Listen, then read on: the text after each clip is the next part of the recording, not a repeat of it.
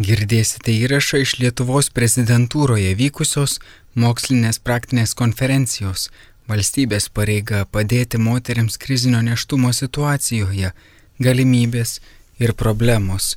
Kalbės Hygienos instituto sveikatos statistikos skyriaus vadovė Rita Gaidelytė, profesorė Birutė Obeleninė, sveikatos apsaugos ministerijos specializuotos sveikatos priežiūros skyriaus vedėja Inga Cechanovičianė kodėl ir kaip dažnai Lietuvoje nutraukiami neštumai, neštumo nutraukimų statistikos išsamumo problema Lietuvoje ir geroji užsienio praktika, hygienos institutas Rita Gaidelytė.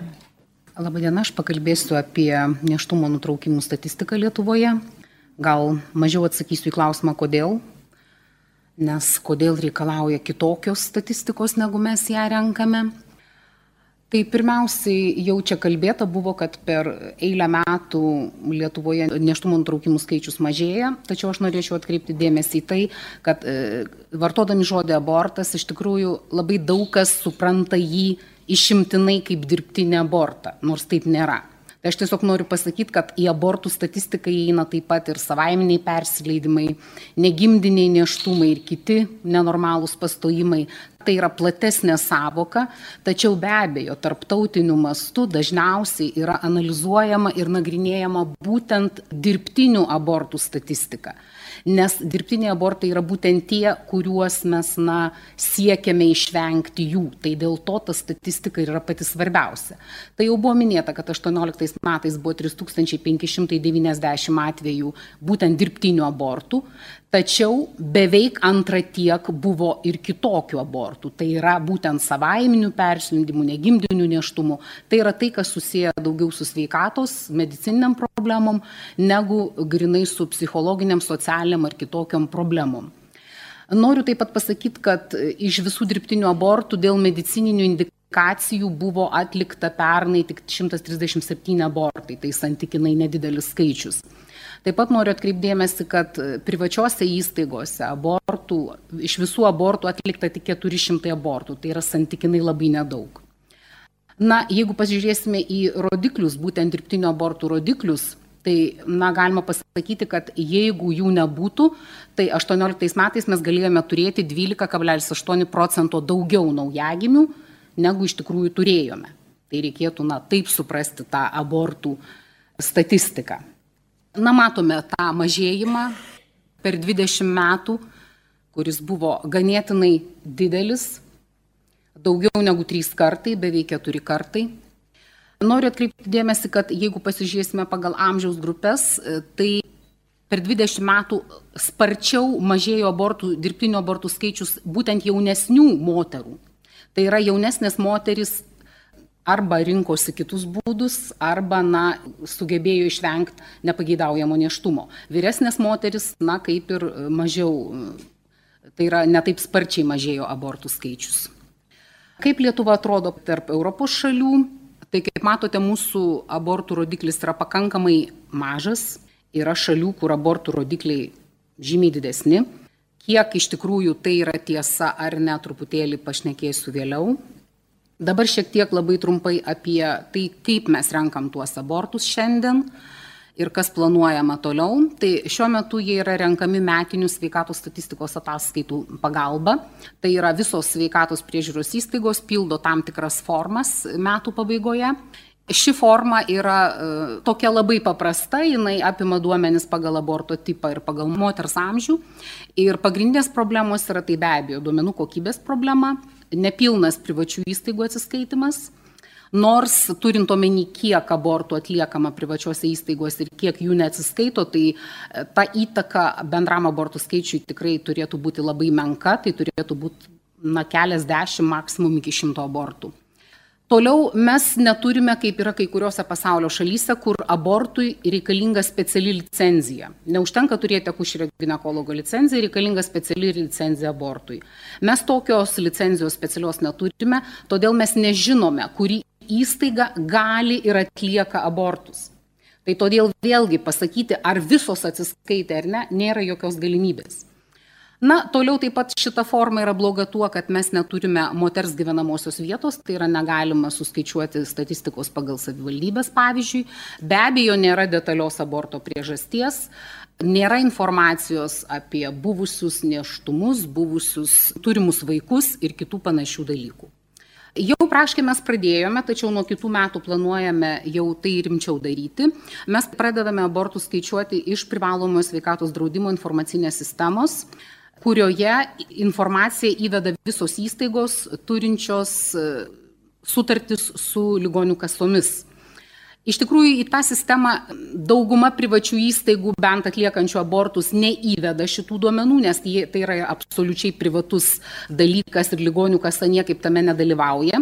Todėl tos įstaigos neįvedinėja šių duomenų, tačiau, kaip matėme, tas abortų skaičius yra e, labai nedidelis ir todėl didžioji masė vis tiek abortų yra įvedama į sveidrą.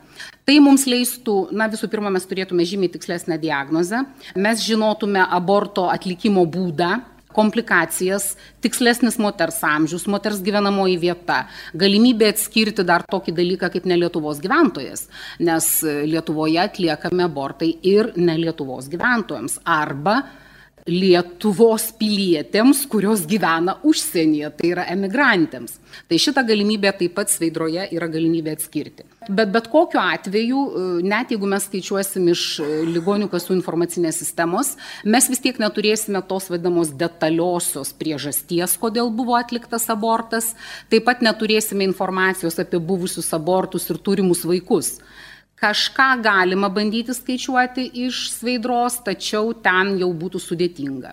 Na ir kaip aš jau sakiau, kad visgi dauguma tų privačių įstaigų, kurios atlieka abortus, jų neįveda į sveidrą, taigi ta informacija būtų, na, kaip ir papildomai reikalinga gauti iš privačių įstaigų.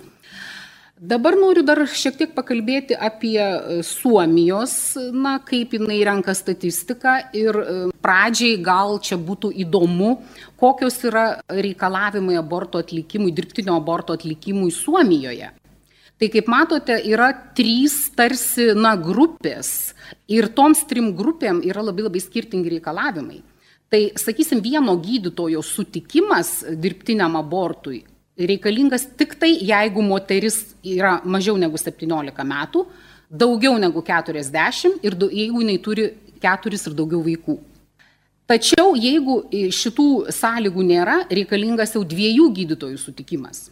Tai yra žymiai na, sudėtingesnis procesas atlikti abortą. Ir yra dar sąlygos, kai reikalinga netgi nacionalinės sveikatos ir gerovės priežiūros tarnybos sutikimas abortui. Tai yra, kai abortas atliekamas virš 12 savaitės ir esant apsigimimui bet neštumo, ne bet kurioje neštumo savaitėje. Tai va čia gal tiesiog įdomumo dėliai daugiau. Suomijos abortų registras, dirbtinio abortų registras yra įsteigtas 1950-aisiais, o elektroniniai formoje yra nuo, nuo 83-ųjų. Ir jame renkami tokie duomenys apie abortą, na, iš esmės visa svarbiausia informacija, tai ir šeimininė padėtis, ir profesija, ankstesni neštumai, vaikų skaičius, naudota kontracepcija. Na, aborto priežastis po to aš jums parodysiu, kiek jinai yra smulki, kiek ne. Na ir neštumo trukmė, procedūra, komplikacijos ir, ir panašus dalykai. Šiek tiek statistikos, kaip matote, abortų skaičius taip pat Suomijoje mažėja, tačiau kaip ir Lietuvoje, jaunoms moterims abortų skaičius mažėja sparčiau negu vyresniems moterims. Tai reiškia, kad jaunimas matyt turi kitus metodus arba na, tiesiog sugeba labiau galbūt išvengti tų nepageidaujamų neštumų. Tai čia irgi yra ta pati situacija kaip ir Lietuvoje. Kas dar yra labai svarbu, tai yra vadinami metodai, kaip yra atliekamas abortas. Tai 97 procentai abortų Suomijoje, dirbtinių abortų praeitais metais, buvo atlikti taip vadinami medicamentiniai abortai. Tai yra tai, kas Lietuvoje yra neįteisinta. Tai aš manau, 97 procentų skaičius mums turi parodyti, kad mes turim ekstrinę situaciją, kad mes turim kažką daryti Lietuvoje su medicamentiniais abortais.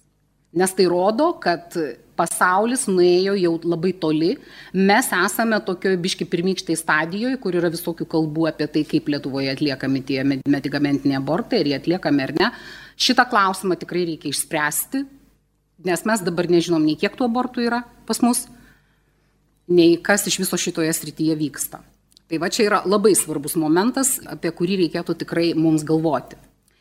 Na, apie priežastis abortų. Kaip matote, daugiau kaip 90 procentų visų abortų priežastimi yra įvardinamos socialinės problemos. Tai yra iš esmės, tai mums nieko nepasako, kokiagi yra ta tikroji giluminė aborto priežastis. Tai tiesiog čia yra tiesiog iliustracija, kad registras nebūtinai išsprendžia visos informacijos poreikio problemą.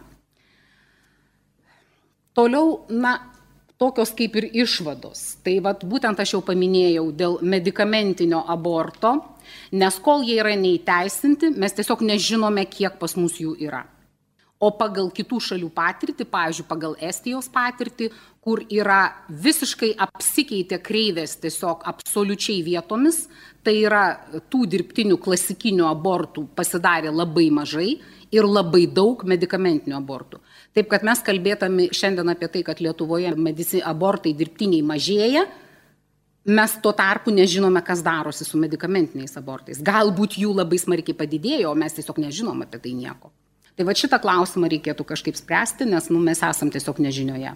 Na, aišku, kad trūksta tos detalios informacijos apie priežastis, tačiau vėlgi aš manau, kad e, iš tikrųjų tikslę informaciją apie priežastis galima gauti tik atliekant kokybinius tyrimus, nes jo, joks registras iš tikrųjų negali padėti visgi to giluminio aspekto suprasti.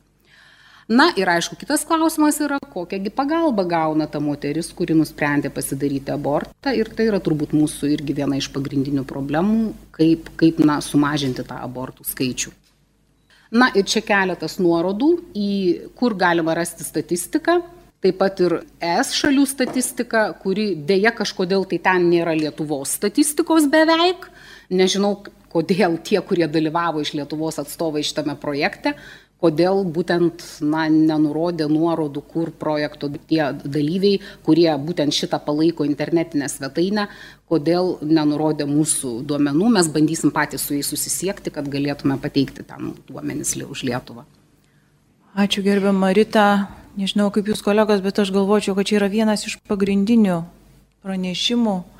Tai yra tas pamatinis pranešimas, nuo kurio mes turėtume atsispirti bet akivaizdu, kad mes nelabai galime nuo jo atsispirti, nes iš tikrųjų neturime pilnos informacijos. Aš norėčiau dar jūsų paklausti, jūs minite, kad e, privačios įstaigos, na, nelabai daug atlieka šitų abortų, bet jeigu mes įsivestume į Google, kad ten reikalingas abortas, tai ten išmeta daugiausia daug labai pasiūlymų. Ir ten yra tokios privačios įstaigos. Tai būtų klausimas, ar jos tiesiog neteikia, jos neprivalo teikti tos, ar jos atlieka medicininius, tai yra tuos medicamentinius abortus, ar čia kažkokios kitos priežastys. Tai būtų vienas klausimas, o kitas klausimas, ar jūs galvojate keisti tą dizainą, tą rinkinį ir kada tai gali būti padaryta. Na, visų pirma, visos privačios įstaigos privalo mum atsiskaityti, bet žinot, kaip visada, ne viskas, kas privalom, yra vykdoma. Deja, mes neturime galimybės taikyti tokias sankcijas, kad, na, kažkokiu būdu priversti privačias įstaigas atsiskaityti pilnai. Tačiau, na, pagal tai, kiek mums atsiskaito ir kiek neatsiskaito, nu, mes galime prognozuoti, kiek, pažiūrėjau, mes netenkame tų, sakykime, abortų. Na, iš tikrųjų, tas skaičius tikrai yra realiai labai mažas. Tačiau kitas klausimas, galbūt tuose skelbimuose, kur nu, siūloma, kad jie atlieka abortus, vėlgi neaišku, o tai kokiu metodu jie atlieka. Galbūt šitaip yra skelbiamas apie medicamentinius abortus, aš tikrai šito nežinau. Aš manau, mūsų gal medikai daugiau yra informuoti, kas darosi šitoje srityje, na, sakysim, netgi toj neoficialiam lygyje, nes tikrai šito nežinau, bet, na, kadangi jeigu įstaiga turi akušerijos gynekologijos licenciją, sakysim, privati įstaiga, na, ji man arba užpildo, arba neužpildo e, abortų dalį. Absoliuti dauguma įstaigų netlieka abortų tikrai. Bet kiek daug gali būti, mes netekt galim dėl tų neatsiskaitimo, aš tikrai manyčiau, kad šiandien tai yra ne tai yra pagrindinė priežastis. Aš manau, šiandien mes turim įsiaiškinti, kiek mes turim medicamentinio abortų. Ir aš manau, tai bus ko gero ženkliai didesni skaičiai negu to, ko mes netenkam iš net dėl privačių įstaigų atsiskaitimo. Aš norėčiau klausimą ir tokį patikslinimą. Žinot, jūs sakot, kad medikamentiniai abortai Lietuvoje yra uždrausti, tai turbūt nebūtų neįteisinti, tai turbūt nebūtų visiška tiesa, todėl kad jeigu mes kalbam apie abortą, tai yra neštumo nutraukimą pagal medicinės mhm. indikacijas, tai yra tik medikamentiniai ir jokie kitokie. O dabar kalbant apie tai, kas yra neįteisinta, tai turbūt medikamentas mifepristonas iš tiesų. Šitoj situacijoje, na vėlgi, tie abortai kurie yra atliekami medikamentiniai, jie gali būti atliekami iš viso negydymo įstaigoje ir tai visiškai realu. Todėl, kad įgyti tą vaistą ir viską atlikti negydymo įstaigoje, o po to atvykti arba galbūt ir nebeatvykti su problemomis, tai yra, yra įmanoma. Ir tik vienas komentaras būtų toksai, nepamirškime kad tikrai klausimas, ar tas abortų skaičius tų jaunų moterų tarpe iš tiesų mažėja, nes labai mažėja vaisingumas. Labai mažėja vaisingumas. Ir jeigu mes pasižiūrėtumėm iš tiesų, kaip mažėja šitas vaisingumas, mes tai turim daugiau vyrų tarpę, žinom, kad tai labai stipriai sumažėjo per pastaruosius metus. Žinote, galbūt čia irgi yra tam tikra dalis situacijos, kad jos tiesiog nepastoja. Sveikesnės gal yra vyresnės moteris dar? Su neonatologė iš Kauno klinikų Markūnėne. Norėčiau paklausti dėl Suomijos statistikos medicamentinio aborto. Kaip jinai yra surenkama, ar medikamentai tenai tik tai skiriami ligoninėje, ar pagal išrašytus receptus, koks tai yra metodas, kad galėtume iš tikrųjų įsitikėti. Žinokit, šiaip šitą galėtumėt pasitikrinti būtent tam tinklapyje, kurie yra ES abortų statistika, nes ten yra surašytos įvairių šalių surinktos sąlygos, kada, kaip ir kur galima atlikti medicamentinį abortą. Aš tiesiog šito neišsi, ne, neišsiemiau iš to tinklapio, ten yra surašytos, ar tai galima atlikti tik tai ligoniniai, ar galima atlikti e, ambulatoriniai įstaigoj, ar yra medicinė priežiūra, ar po to aborto būtinas apsilankimas. Ten surašyta visų šalių, kurios atlieka medicamentinius abortus abortus, būtent sąlygos, kaip juos galima atlikti. Tai šitą galima pasižiūrėti ir ten yra ir kitų šalių sąlygos surašytos, kaip ten viskas vyksta. Tai pas suomius jie turi registrą, kur apie kiekvieną abortą yra privaloma informuoti. Jie turi labai seną registrinę sistemą, kur viskas yra sutikrinama iki kitų duomenų bazių lygyje, stacionaro duomenų bazių lygyje sutikrinama. Aš manau, jų statistika yra pakankamai tiksli, nes jie ir šiaip viską pildo duomenų bazėse, tai taip, kad pas juos, aš manau, šią prasme statistika yra tikrai pakankamai patikima. Ačiū. Tai tokiu atveju šeimos gydytojas tiesiog gali paskirti tą medikamentą. Žinokit, aš negaliu atsakyti šitą klausimą. Ne? Ar tai gali mhm. paskirti šeimos gydytojas ar gynekologas, tikrai čia, čia reikėtų giliau. Registrė šito nėra pačiam. Aš visiškai nemedikė ir galiu remtis tik tai kažkokiais išoriniais įspūdžiais. Uh, Atsimenu, nepriklausomybės pradžioje buvo netgi per LRT demonstruojamas toks filmas Nebilų šauksmas, kuriame kažkokiu būdu nufilmuota, kas vyksta atliekant tą e, nebedicininį abortą su, su įrankiu, kaip reaguoja vaisius, jisai mane sukrėtė ir tada jis buvo leistinas netgi moksleiviam vyresnių klasių ir e, tai labai pakeitė, na, kai kurių tam tikros jaunimo dalies požiūrį. Tačiau man teko matyti ir fotografijas, kurios šiaip laikomos, kad, na, sukelia bereikalingą stresą visuomeniai, bet aš mačiau tokias fotografijas, kur yra, buvo, vai, na, tie išabortuoti embrionai tiek tuo mechaniniu būdu, tiek medikamentiniu. Tai negaliu, nesu tas embrionas, nežinau kaip jis jautėsi, bet jo išvaizda to lavonėlio, ar kaip jį pavadinti, nu, medicamentinio dar blogesnė buvo už to mechaninio. Tiesa, jis nėra su, su, supjaustomas, bet, bet jo vaizdas tarytum indikuoja labai didelę patirtą kančią prieš tai, kai jis buvo. Tai e, aš suprantu, kad medikui yra daug maloniau, na, pačiam netlikti to to judesio, kuris sukelia nebylų šauksmą, bet rezultate tas šauksmas vis tiek būna, tik tai mes jo negirdime. Tai čia toks komentaras Ačiū, kolegė. iš, iš, iš emocijų srityje. Kviečiu kitam pranešimui. Moters galimybė įgyvendinti laisvo informuoto sutikimo sąlygą neštumo nutraukimo atveju profesorė Birutė Obeleninė, Santokos ir šeimos studijų centras, BDU. Mėly konferencijos dalyviai, be to, ką minėjo 94 metų sveikatos ministro įsakymo, antras įstatymas, kuris reglamentuotų neštumo nutraukimą, tai yra Lietuvos Respublikos pacientų teisų ir žalos sveikatai atlyginimo įstatymas, kurio 15 straipsnis reiškia, kad intervencija laikoma pagrįsta informacija ir tinkama, jeigu jis atitinka keturias sąlygas. Yra duotas asmens galinčio tinkamai išreikšti savo valią, yra duotas gavus pakankamai aiškiai informaciją, yra duotas paciento jo stovo valia ir atitinka teisės akto nustatytus formo reikalavimus. Be jokios abejonės neštumo nutraukimas patenka. Taigi, kas yra laisvas informuotos sutikimas? Pirmiausia, tai asmens turinčio priimti sprendimą kompetentingumas yra privaloma laisvo informuoto sutikimo sąlyga. Kompetitingų laikomas asmo, kuris yra pakankamai brandus, turintis pastovius tikslus ir vertybės, kuriais vadovaudamasis priima sprendimus. Geba suprasti pateikiamą informaciją apie intervenciją ir galimas pasiekmes. Geba argumentuotai pasirinkti savo pasirinkimą, pagrysti. Taigi probleminis klausimas būtų toks, ar moteris yra tikrai informuojama ir kompetitinga priimti sprendimą, kurį išreiškia savo laisvą valią prieš neštumo nutraukimą. Moksliniais tyrimais yra atlikta, yra labai mažai dizertacijų, medikų dizertacijų, kalbant apie, apie abortus, bet tai, ką pavyko surasti. Tai daugiau nei pusė pirmą neštumą nutraukusių respondenčių Lietuvoje į klausimą, ar abortas yra vaisiaus mirtis, atsakė teigiamai. 90 procentų moterų atvykusių nutraukti pirmą neštumą, neštumą nutraukti rodė, kad tai yra labai blogai. Taigi pirmas klausimas kyla toks, kas atsitiko su moterimi, kuris supranta, kad tai yra blogis, kad tai yra vaisiaus žūtis, vis dėlto jį renkasi. Taigi mes turim problemą su, su kriziniu neštumu. Tai yra, jeigu moteris, suprasdama, kad tai yra blogis ir vis dėlto jį renkasi, jau tai rodo, kad tai yra krizė. Kompetencija duoti laisvą informuotą sutikimą gali būti tik tai kompetitingi asmenys, tai reiškia, kad jie turi būti geros psichinės ir fizinės būklės. Čia šiuo atveju turim krizę. Kuo svarbesnis ir rizinkesnis sprendimas turi būti priimtas, tuo didesnis kompetentingumas yra būtinas. Tačiau abortas negali prilygti paprastai chirurginiai intervencijai. Nors lengvas atlikti medicininiu požiūriu, tačiau etiniu požiūriu jisai negali būti prilygti jokiai chirurginiai operacijai.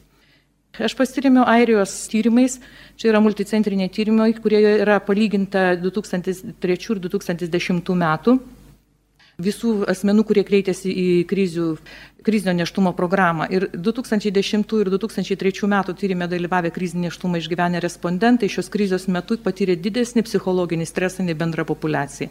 Net 24 procentai apklaustųjų tuo metu galvojo apie savižudybę. Mes taip pat esame padarę giluminį interviu su moterimi, kurios patyrė abortą. Kaip jos tuo metu jautėsi, Kokybinė tyrimo analizė parodė, kad išanalizavus tyrimo duomenys paaiškėjo, kad nešių moterų svarstančio apie abortą išgyvenimai būtų galima apibūdinti kategorijomis kaip išgastis, neturėjimas su kuo pasidalyti, stiprus vidinis priešinimas ir prievartinis apsisprendimas abortui. Taigi kompetencija yra būtina sąlyga siekiant nustatyti, ar žmogus veikia autonomiškai. Tik tie žmonės, kurie veikia savarankiškai, yra kompetitingi duoti savo informuotą sutikimą. Kompetencijai daro įtakos žinios ir patirtis, sako Biochams ir Childress, tai yra pasaulinio lygio bioetikos specialistai. Kada moteris ar mergaitė svarsto, kągi dabar jai daryti, pasirinkto elgesio modelis priklauso nuo turimų įsitikinimų. Ir žinojimas, kad embrionas tai yra žmogaus gyvybė, yra centrinis veiksmys formuojantis mūsų sąžinę, taip pat padedantis pasirinkti gerą ar blogą veiksmą specifinėse situacijose. Mes padarėme tyrimą, tai yra įvertinome visus biologijos vadovėlius Lietuvoje kuriuose yra temos kalbama apie žmogaus gyvybę ir, ir apie litiškumą. Šitie vadovėliai pasirinkti yra iš patvirtintų švietimo ministerijos. Taigi atranka ir atrinkus paaiškėjo, kad nei viename iš tirtų vadovėlių nėra kalbama apie embrioną. Tik viename iš devynių vadovėlių yra teigiama, jog nauja gyvybė prasideda nuo apvaisinimo. Tai ir nei viename vadovėlėje nerasta termino embrionas pridėta gyvybė apibūdinti. Naudojama gemalas, apvaisinta kiaušialasti, zigota, lastelių kamoliukas. Nuostata neštumo atžvilgių. Mes kalbam apie mergaitės. Nuostata neštumo atžvilgių dažniausiai tirtuose vadovėliuose kalbama neigiamai, kaip išvengti neštumo, nelauktas neštumas, nepageidavimas neštumas, užkirsti kelią neštumui, neplanuotas neštumas gali sujaukti visą gyvenimą. Ir kabutėse, kas man labiausiai patiko, tai buvo vaistai nuo neštumo. Informacijos apie abortą praktiškai nėra, tik dviejose vadovėliuose paaiškinamos pasiekmes moters nutraukusios neštumą vyro atsakomybę.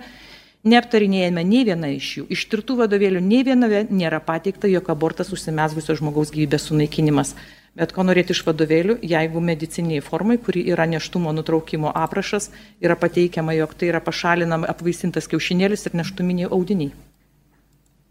Taigi, kas gali lemti apsisprendimą por abortui? Aišku, kad tai yra moralinės vertybės ir aplinkybės. Ir kada aplinkybės yra stipresnės už moters moralinės vertybės, be jokios abejonės moteris ryštasi abortui.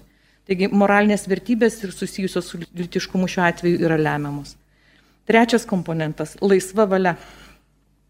Laisvos valios išreiškimas pagristas asmens autonomija, kuris užtikrinta, jog sutikimą duoda nuo jokios išorinės jėgos ir aplinkybių nepriklausomas asmuo kad jo sprendimui įtakos nedaro jokios apgaulės, apribojimo formos, tokios kaip smurtas, apgaulė, klaidinimas ir priemarta. Taigi abortas labai dažnai yra kieno nors kito pasirinkimas ir problemos su partneriu yra dažniausios. E, mūsų patirtimi, to paties tyrimo, tai yra kokybinio tyrimo metu, giluminio interviu mes gavom atsakymus, kad dažniausiai moteris sako, kad vyrai situacijos nesuprato, jisai manęs nesustabdė, jisai tylėjo ir tylėjo. Priešiškumas negimusiam kūdikiui, aš daugiau vaikų nenoriu, ir psichinė prievarta ir smurtas. Jis buvo gana sadistiškas, aš nu jo išsakau, daryk abortą arba su tavim negyvensiu. Yra labai aiškiai ir labai daug tyrimų įrodo, kurie moksliniais tyrimais pagrystas, parodo, kad yra ryšys ir tarp abortų ir smurto. Ir vienas iš tokių yra pasaulinės sveikatos organizacijos, daug šalių apimanti studija apie moters sveikatą ir sąsąją su smurto artimoje aplinkoje Daugelį atvejų nešios moteris, kurios kada nors patyrė fizinį ir seksualinį partnerio smurtą arba abu žymiai labiau linkusios pranešti apie turėtus abortus ir persileidimus nei moteris, kurios niekada nepatyrė partnerio smurto. Amerikos psichologų asociacijos tyrimas psichinė sveikata ir abortas aiškiai rašo, kad nenorimas neštumas ir abortas yra susijęs su egzistuojančiamis gyvenimo sąlygomis ir aplinkybėmis, tokios kaip skurdu, gyvenimo aplinkybėmis, tokios kaip smurtas, ir probleminiu elgesiu. Taigi abortas yra smurto rizikos požymis, o ne prievartos priežastis.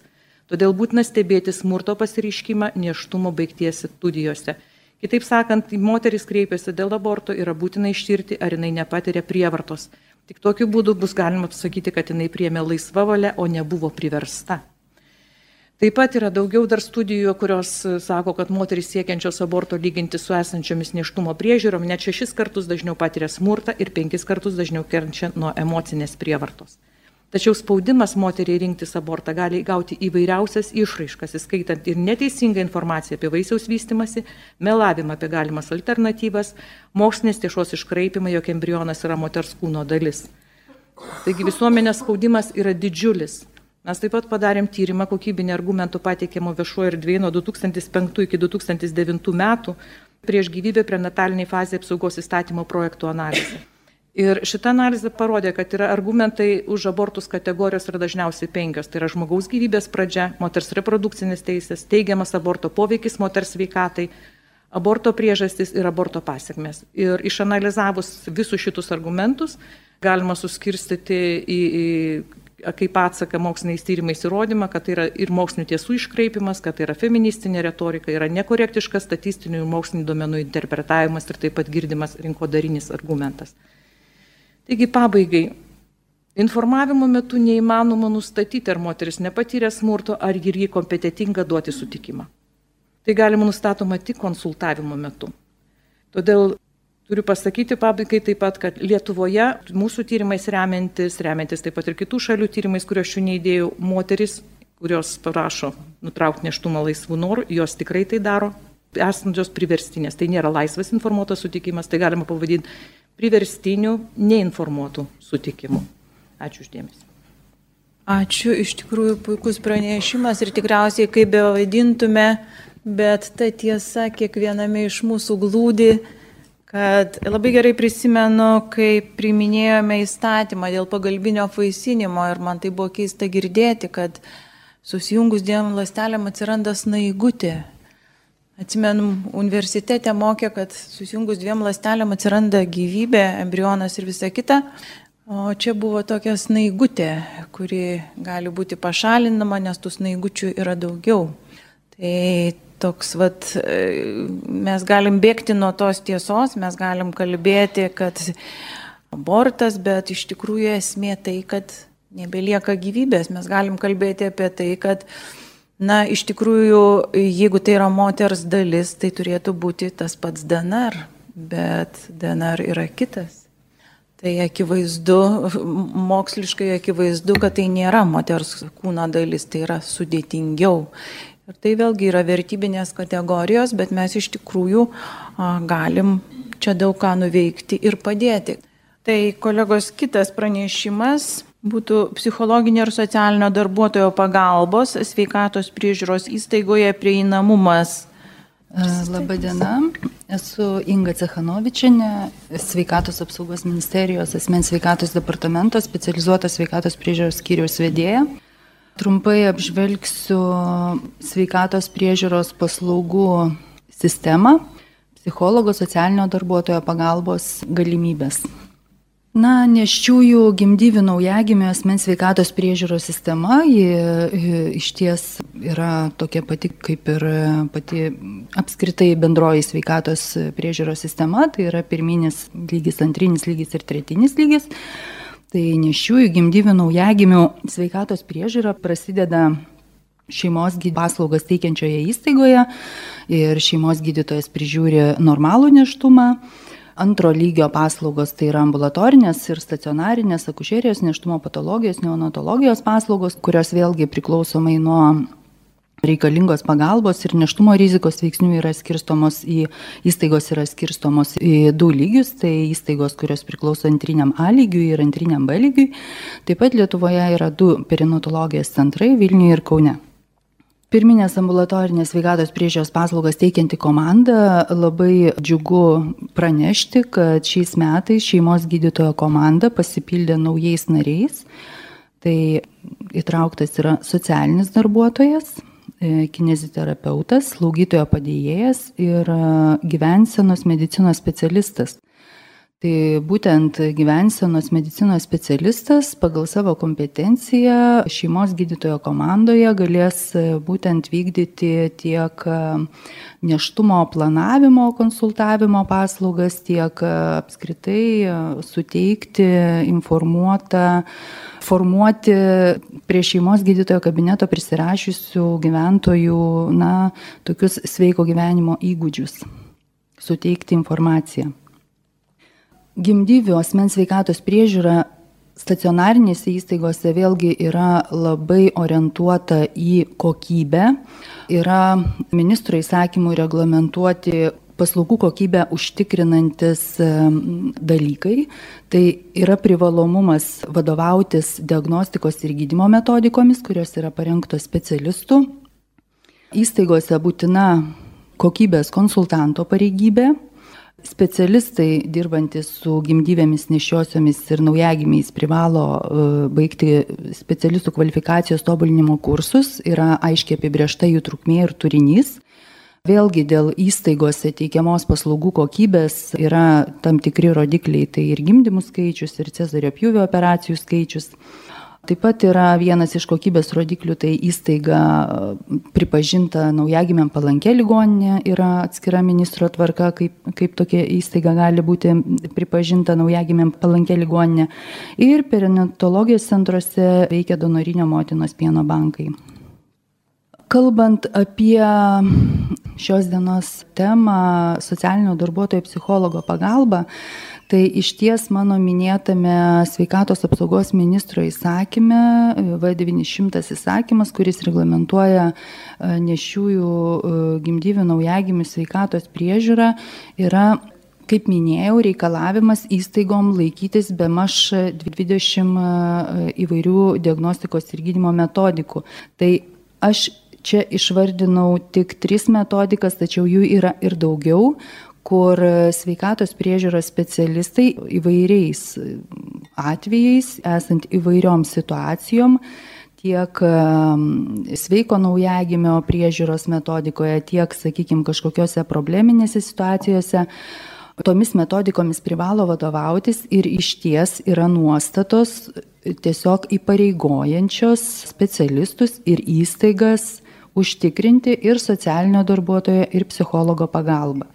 Kaip minėjau, asmens sveikatos priežiūros paslaugos, jeigu jos iš esmės yra tikrai duoda gerų rezultatų, tai dar norėčiau trumpai pristatyti ir sistemą, kaip, yra, kaip veikia arba kaip reglamentuotos, psichikos sveikatos priežiūros paslaugos. Tai jos yra teikiamos psichikos sveikatos centruose, arti gyvenamosios vietos. Lietuvoje yra 106 psichikos sveikatos centrai. Paslaugas teikia specialistų komanda, kurią sudaro gydytojas psichiatras, vaikų ir paauglių psichiatras, psichikos sveikatos slaugytojas, socialinis darbuotojas, medicinos psichologas. Ir 18 metais buvo sumažintas maksimalus tokio vieno centro aptarnaujimo gyventojų skaičius iki 17 tūkstančių kiekvienam komandos gyventojui ir tam skirta papildomai 2 milijonai eurų privalomos sveikatos draudimo lėšų. Kaip matome, psichikos sveikatos centrų išsidėstymas yra tolygus visoje teritorijoje.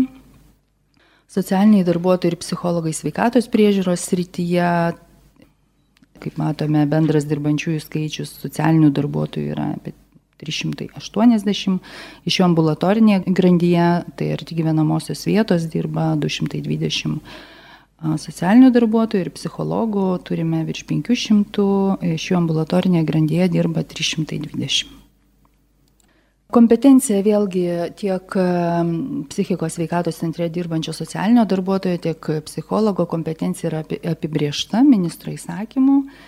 Socialinis darbuotojas yra atsakingas už paciento socialinės padėties įvertinimą, socialinių problemų ir aplinkos įvertinimą Jis atsakingas už pagalbą, tarpininkavimą asmeniu ar šeimai spręsti socialinės problemas.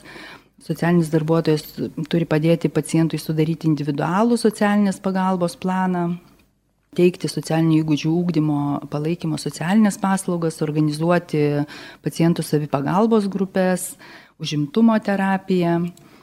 Psichikos sveikatos centre dirbančio medicinos psichologo kompetencija taip pat yra apibriešta ministro įsakymu ir e, jis e, teikia psichologinio konsultavimo paslaugas, padeda spręsti bendravimo santykių su aplinkiniais ir asmeninės problemas, teikia tam tikras specifinės elgesio emocijų sutrikimo diagnostikos terapijos paslaugas, psichologinę pagalbą, atlieka savižudybės krizę išgyvenančių asmenų vertinimą, padeda spręsti šeimos gyvenimo sunkumus. Medicinos psichologo paslaugų dinamika 16-18 metais matome, kad paslaugų skaičius na, išaugo beveik dvigubai. Taip pat psichikos sveikatos centre teikiamos psichoterapijos paslaugos, jas skiria gydytojas psichiatras, psichoterapeutas, yra mokama už 24 sensus vienam pacientui per kalendorinius metus. Taip pat šiuo metu yra ministerijoje parengtas įstatymo projektas, na, kuriuo numatoma plėsti psichoterapijos metodą taikančių specialistų sąrašą, didinti sensų skaičių vienam pacientui. Psichoterapijos paslaugų dinamika taip pat 16, 17, 18 metais yra išaugusi tarptautinėje bendruomenėje dėl moterų teisų, tai yra išsakoma kritika dėl kontraceptinių priemonių nekompensavimo.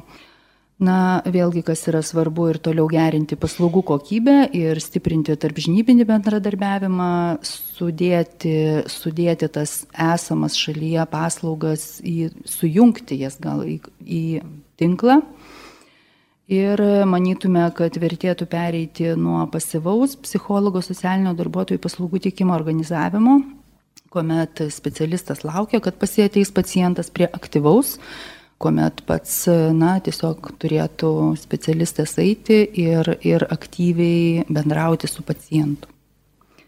Kojame uždėmesi tiek trumpai. Ačiū. Iš tikrųjų mes turim pranešimą na, kuris, sakyčiau, labai tiksliai įvardina tas, kas yra. Tai yra, kad nieko nėra.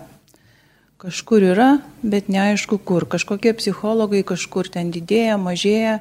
Bet mes šiandien kalbam, gerbiamo kolegė, apie krizinį neštumą. Kalbam, kaip padėti tom moterim. Tai mano klausimas būtų, kas yra tikslinė auditorija kontraceptijai, nes jūs ten parodėte 15 metų mergaitę Kodėl ne 13, kodėl ne 11, kodėl 15? Mm, ačiū už klausimą. Tai e, toks yra gautas akušerių gynekologų draugijos siūlymas, kad tikslinga kompensuoti būtent 15-19 metų merginoms. Na, bet jeigu 13 metė norės. Šiuo metu toksai svarstoma tokia paraiška. Kodėl reikia tai tiksliniai grupiai kompensuoti, aš nelabai supratau. Todėl, kad tokia yra akušerių gynekologų paraiška ir prašymas O kompensuoti. tai dėl ko? Koks, koks yra principas? Dėl ko? Principas a, pacientės, kurie kreipiasi pas gydytoją gynekologą dėl neštumo planavimo. E, Bet ar jums žinomi tyrimai, epidemiologiniai tyrimai, kurie yra ne asmens lygmenį, bet epidemiologiniai tyrimai, kad tos grupės, kurios daugiau naudoja kontraceptikų, tos dažniau daro ir abortai. Abortai, tai tai yra kontracepcija, ypatingai hormoninė kontracepcija, nėra abortų prevencija, čia yra klaidingas matymas. Ir kitas dalykas, e, tos organizacijos, kurios šitą idėją stumia, tai yra Planuotos tėvystės federacija, jinai taip pat yra ir pagrindinė veikėja socialinių prezervatyvų marketingo. Tai yra marketinginis užsakymas, bet jokių būdų nesusijęs su mergaičių sveikata. Tai vienas dalykas. Antras dalykas, hormoniniai preparatai, hormoninė kontracepcija niekada nebuvo išbandomi pediatrijoje. Girdėjome įrašą iš Lietuvos prezidentūroje vykusios mokslinės praktinės konferencijos Valstybės pareiga padėti moteriams krizinio neštumo situacijoje, galimybės ir problemos. Kalbėjo Hygienos instituto sveikatos statistikos skyriaus vadovė Rita Gaidelytė, profesorė Birutė Obeleninė ir sveikatos apsaugos ministerijos specializuotos sveikatos priežiūros skyriaus vedėja Inga Cechanovičinė.